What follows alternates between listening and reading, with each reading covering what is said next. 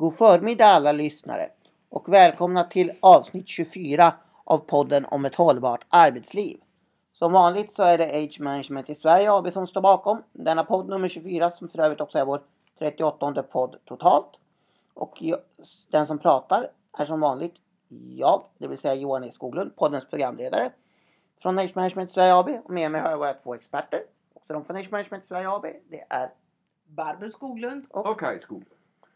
Och idag ska vi prata om något så spännande som den nya kommunallagen var det sagt. Och förutom det så ska vi också bjuda på en liten julbonus på slutet. Men det återkommer vi till. Men vem vill börja om nya kommunallagen?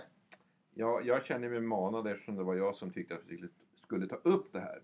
Och till våra lyssnare kan jag säga att nu är det tredje gången gilt vi försöker spela in den här podden för de två tidigare inspelningarna har saboterats av tekniska problem. Men nu, som sagt Det vill säga ja. skit bakom spakarna. SBS. Men vi ska inte fördjupa oss i det. Nej. Ny kommunallag, spännande eh, tycker eh, både jag och många med mig. Får vi hoppas. Absolut. För det första så kan man säga att det, det Egentligen är ju inga jättestora förändringar på sitt sätt utan man får en ny struktur med enhetligt språk, en enhetlig begreppsbildning. Men det finns några saker så, som eh, vi ändå vill lyfta fram.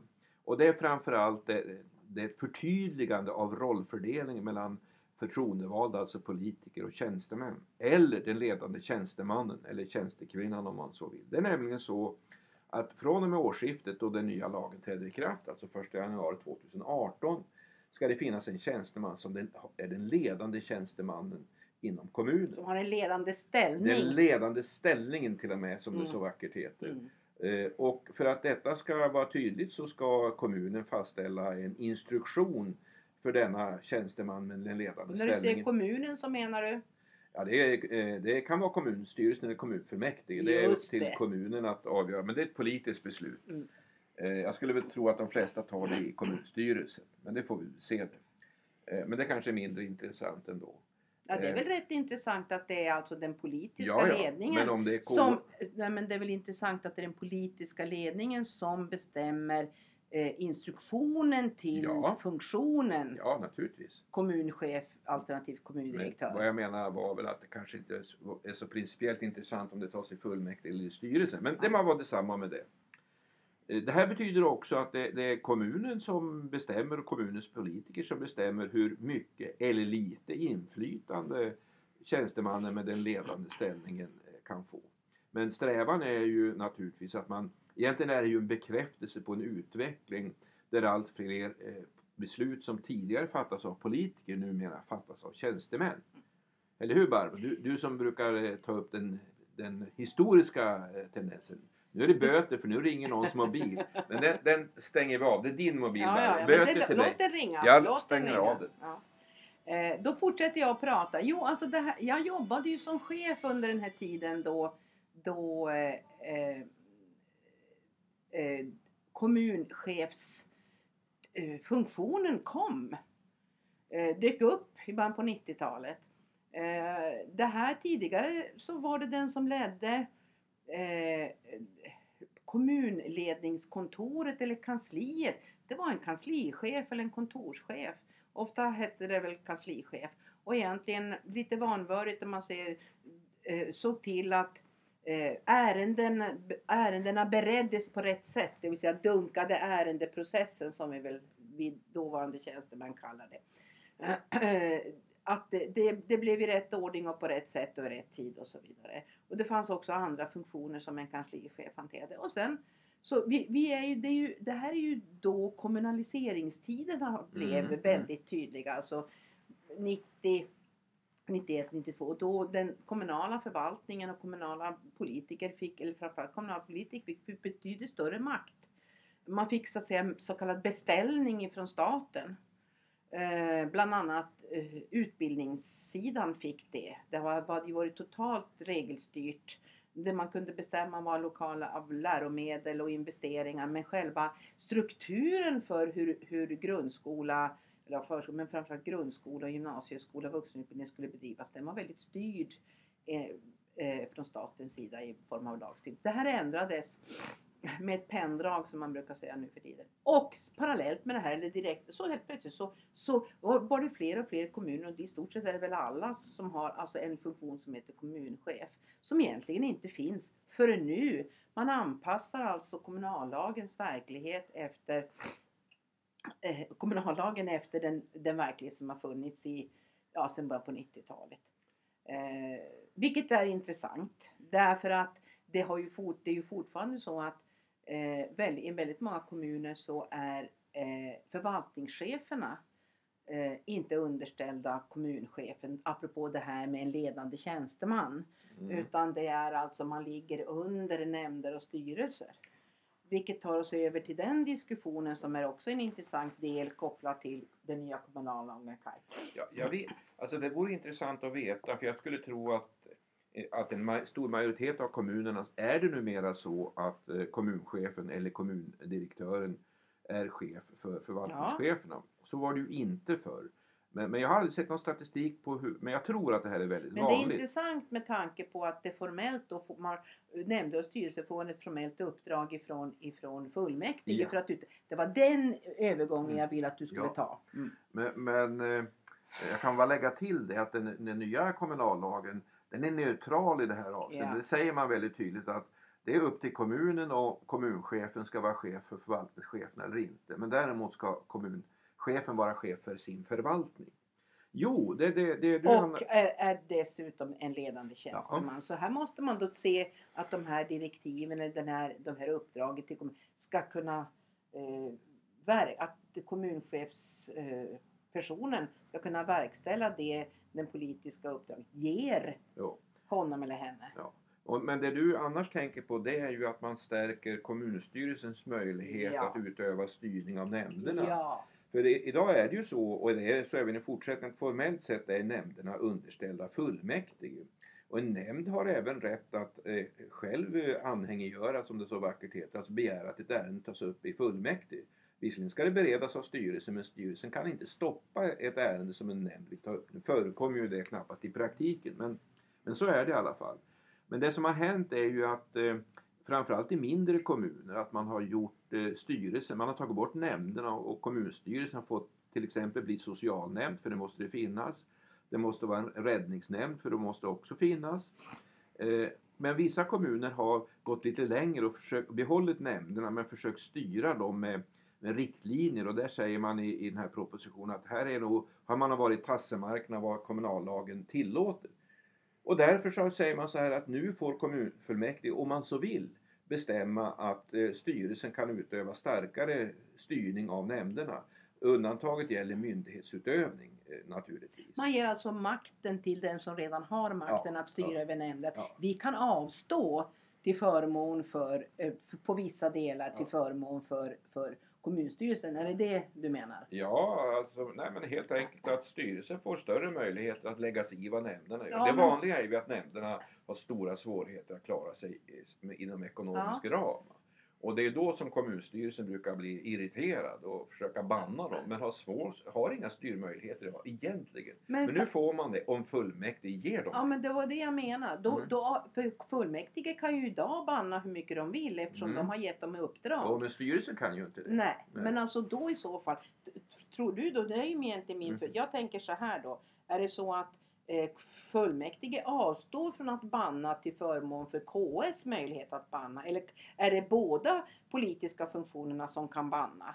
Nej, men alltså det är ju väldigt knepigt att fullmäktige Jo, jag är på med. ban- Jo men jag är med på det. Jo, Ja, Men det är, ju, det är ju knepigt för fullmäktige att banna nämnderna. Det är klart att det är mycket effektivare kommunstyrelsen som dessutom sammanträder vanligtvis varje månad i stort sett. ja. Att ge dem ett mandat att spöa nämnderna. Men eh, fullmäktige sammanträder ju också varje månad i stort sett. Nej, det gör det ju inte. Ja, det är färre Ja, gånger. ja, det, är färre, jo, men jag det, spelar, det har inte så mycket med det att göra kanske utan det är mer att man vill eh, ha, ha det verkställande organet möjlighet att, att eh, eh, ta täten så att säga. Det är ju ändå, det, det, det är ju ändå Ja. regeringen, det är ju kommunens regering. Ja men då börjar vi prata. Ja men vad det här jag ville komma fram till? Ja, Se- men varför sa du inte det från början Nej, för då? jag tyckte att det var kul att du skulle säga det. Okej, ja, Går vi vidare eller? ja vi går vidare. Eh, Men det här betyder ju också att om, eh, kommunerna ger, eh, fullmäktige ger styrelsen den här ökade styrmöjligheten. Då betyder det ju med all säkerhet också att den ledande tjänstemannen, alltså kommunchefen, får en starkare roll. För det är ju kommunchefen på tjänstemannasidan som ska stå för, för det. När en styrelse bannar nämnderna, om de nu gör det, den som verkställer det bannandet, det är ju faktiskt eh, eh, Alltså, man måste- kommunchefen. Kommunchefen ska hurvla Ja, vidare. kommunchefen blir den som ska hurvla. Eh, sen får vi väl se, återigen det häng, hänger ju på den instruktion som man fastställer och hur det kommer att se ut det vet vi inte riktigt än. Ehm, sen är det så när det gäller kommunchefens befogenhet, en, idag är det ju reglerat genom, normalt sett genom en kommunalrättslig delegation. Och, och nu kan man göra så att man har, man har alltså en delegation men också den här instruktionen. Så vi får väl se hur det utformas. Samtidigt blir det lite mindre formalia när det är, alltså man, kan, man lättar lite grann på det här kravet på att man ska anmäla delegationsbeslut. Mm. Det blir lite mindre bökigt med det framöver. Ja, det var väl ungefär det, det jag tyckte var intressant med den nya kommunallagen.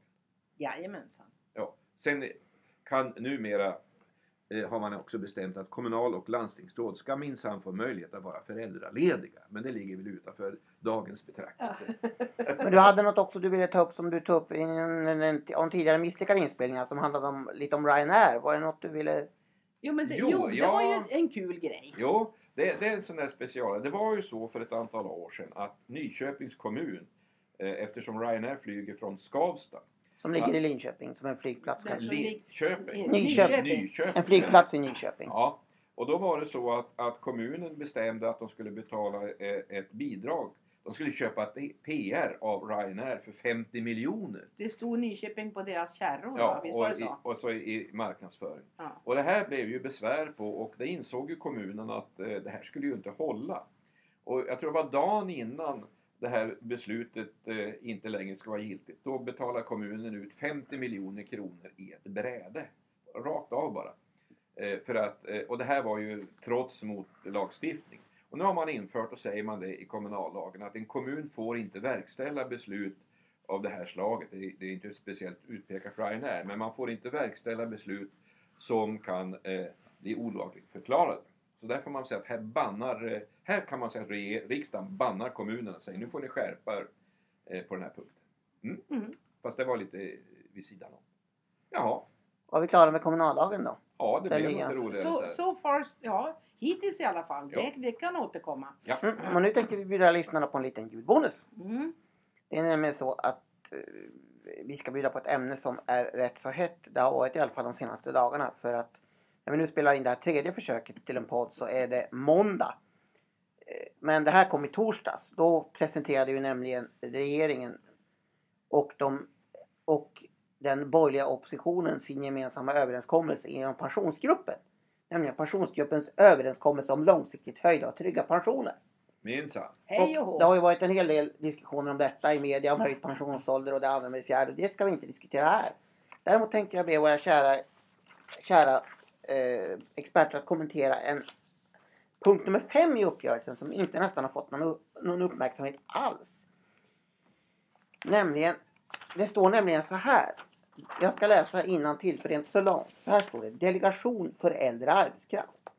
För en väl fungerande arbetsmarknad är det nödvändigt att alla människors kompetens tillvaratas. För att uppnå ett mer hållbart arbetsliv och långsiktigt hållbara pensioner är det därför viktigt att bättre ta tillvara äldres kompetens och att motverka de problem med åldersdiskriminering som finns på svensk arbetsmarknad idag. Pensionsgruppen är överens om att inrätta en ny delegation för äldre arbetskraft. Delegationens uppdrag blir att bidra till ökad kunskap om forskning, om äldres möjligheter men även föreslå åtgärder som motverkar åldersdiskriminering för att bättre tillvarata äldres kompetens och erfarenhet. Och vad sa vi då på den, på den första misslyckade inspelningen som inte var misslyckad innehållsmässigt förhoppningsvis? Mm. Jo, vi sa inte ett nytt under solen. Nej, verkligen inte. Jag, jag Hur kom- länge har vi hållit på med det här? Det är nämligen, vi är i december Ja, det är snart. 2017. Det är 17 år. Ja. Sen ni träffade ni. Sen vi träffade Johanna Ilmarin den 8 december höst, alltså 2000. Vilket vi har berättat om i den åldersmedvetna Ja. Ja, då får ni lyssna mer ni vill höra mer om mötet med Johanna Ilmar innan och så. Men det är ju rätt fascinerande, dels med tanke på den här gedigna finska forskningen, men också på, på du som har koll på det här med, med årtal Barbro, den när, när, det, när Arbetslivsinstitutet kom med sin antologi Arbete efter 65. Eh, eller vad den heter. 1994 eller 6. Ja. Mm. Det är alltså eh, 20, mer än 20 år Mm. sedan och där man redovisar forskning kring äldre. Svensk forskning. Svensk forskning och även annan forskning och där finns ju ett väldigt bra eh, Faktaunderlag. kunskapsfakta. Och egentligen har det ju inte förändrats. Jag menar, det är klart, vårt sätt att åldras har ju inte förändrats nämnvärt på 20 år. Nej, framförallt har inte vårt sätt att fungera arbetsförmågemässigt, alltså Nej, vad som är likheter och olikheter. Och man kan säga så när vi först hade läst på eh, den finska forskningen så fortsatte vi att, studera och då, det var då vi Mm, träffade på arbete Mm. efter 45. mm. Eh, det här är ju då 2000 då eh, ja, några år efteråt så läggs ju Svensk Arbetslivsinstitut ner. Men alltså det är ingen skillnad på, på, på innehållet. Det är klart att forskningsrapporter är ju eh, förhållandevis, eh, vad ska jag säga, smala eller vad ska jag säga, väldigt fokuserade på det de ska, det vill säga ett ämne eller ett spår och så, och så jobbar man med det och så tar man ett nytt eller man fördjupar och så vidare. När vi började med det här så, så insåg vi att vi genast att vi skulle bli mäklare. Då, då fanns det NIVA, Nordiska institutet för, för eh, forskning och utveckling kan man väl kalla det för va? Ja, det var ju en utbildningsorganisation Så, ja. framförallt för företagshälsovården. Jo men ändå, det, Ja. man jobbade evidensbas väldigt kraftfullt. Ja. Och man, man flyttade cheferna som hette direktör från de olika nordiska länderna. Och en utav dem som vi då, eh, när vi började med det här, hon hette Elisabeth Lövgren tror jag.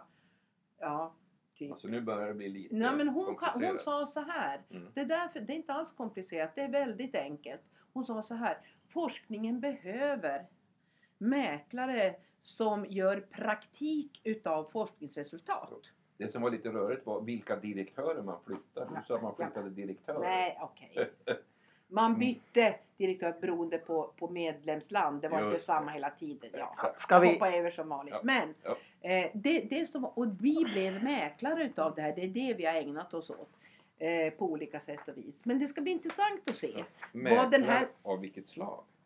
Mellan forskning och praktik? Ja, exakt. Exakt, för det sa du.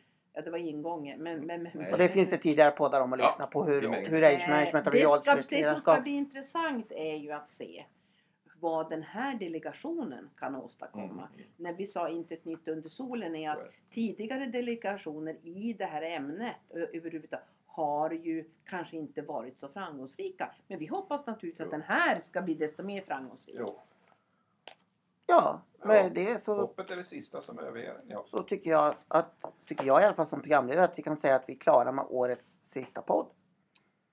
Och därför så säger vi att vi återkommer med nya friska tag under 2018. Är det några ämnen bestämt? Hörru, Det är inte bestämt ämne än vad vi ska prata om under 2018 men vi kommer väl att fortsätta podda så mycket vet vi väl i alla Ja, fall. det har ju för det är väldigt. Och så roligt. önskar vi våra Ja. lyssnare en trevlig avslutning på det här året 2017 och en god början på 2018 oavsett på vilket sätt vi kommer att tillbringa de, de nästa en och en halv veckan. Och var så det. säger vi tack och hej för det här poddåret. Ja, tack och hej! Tack och hej. Hej!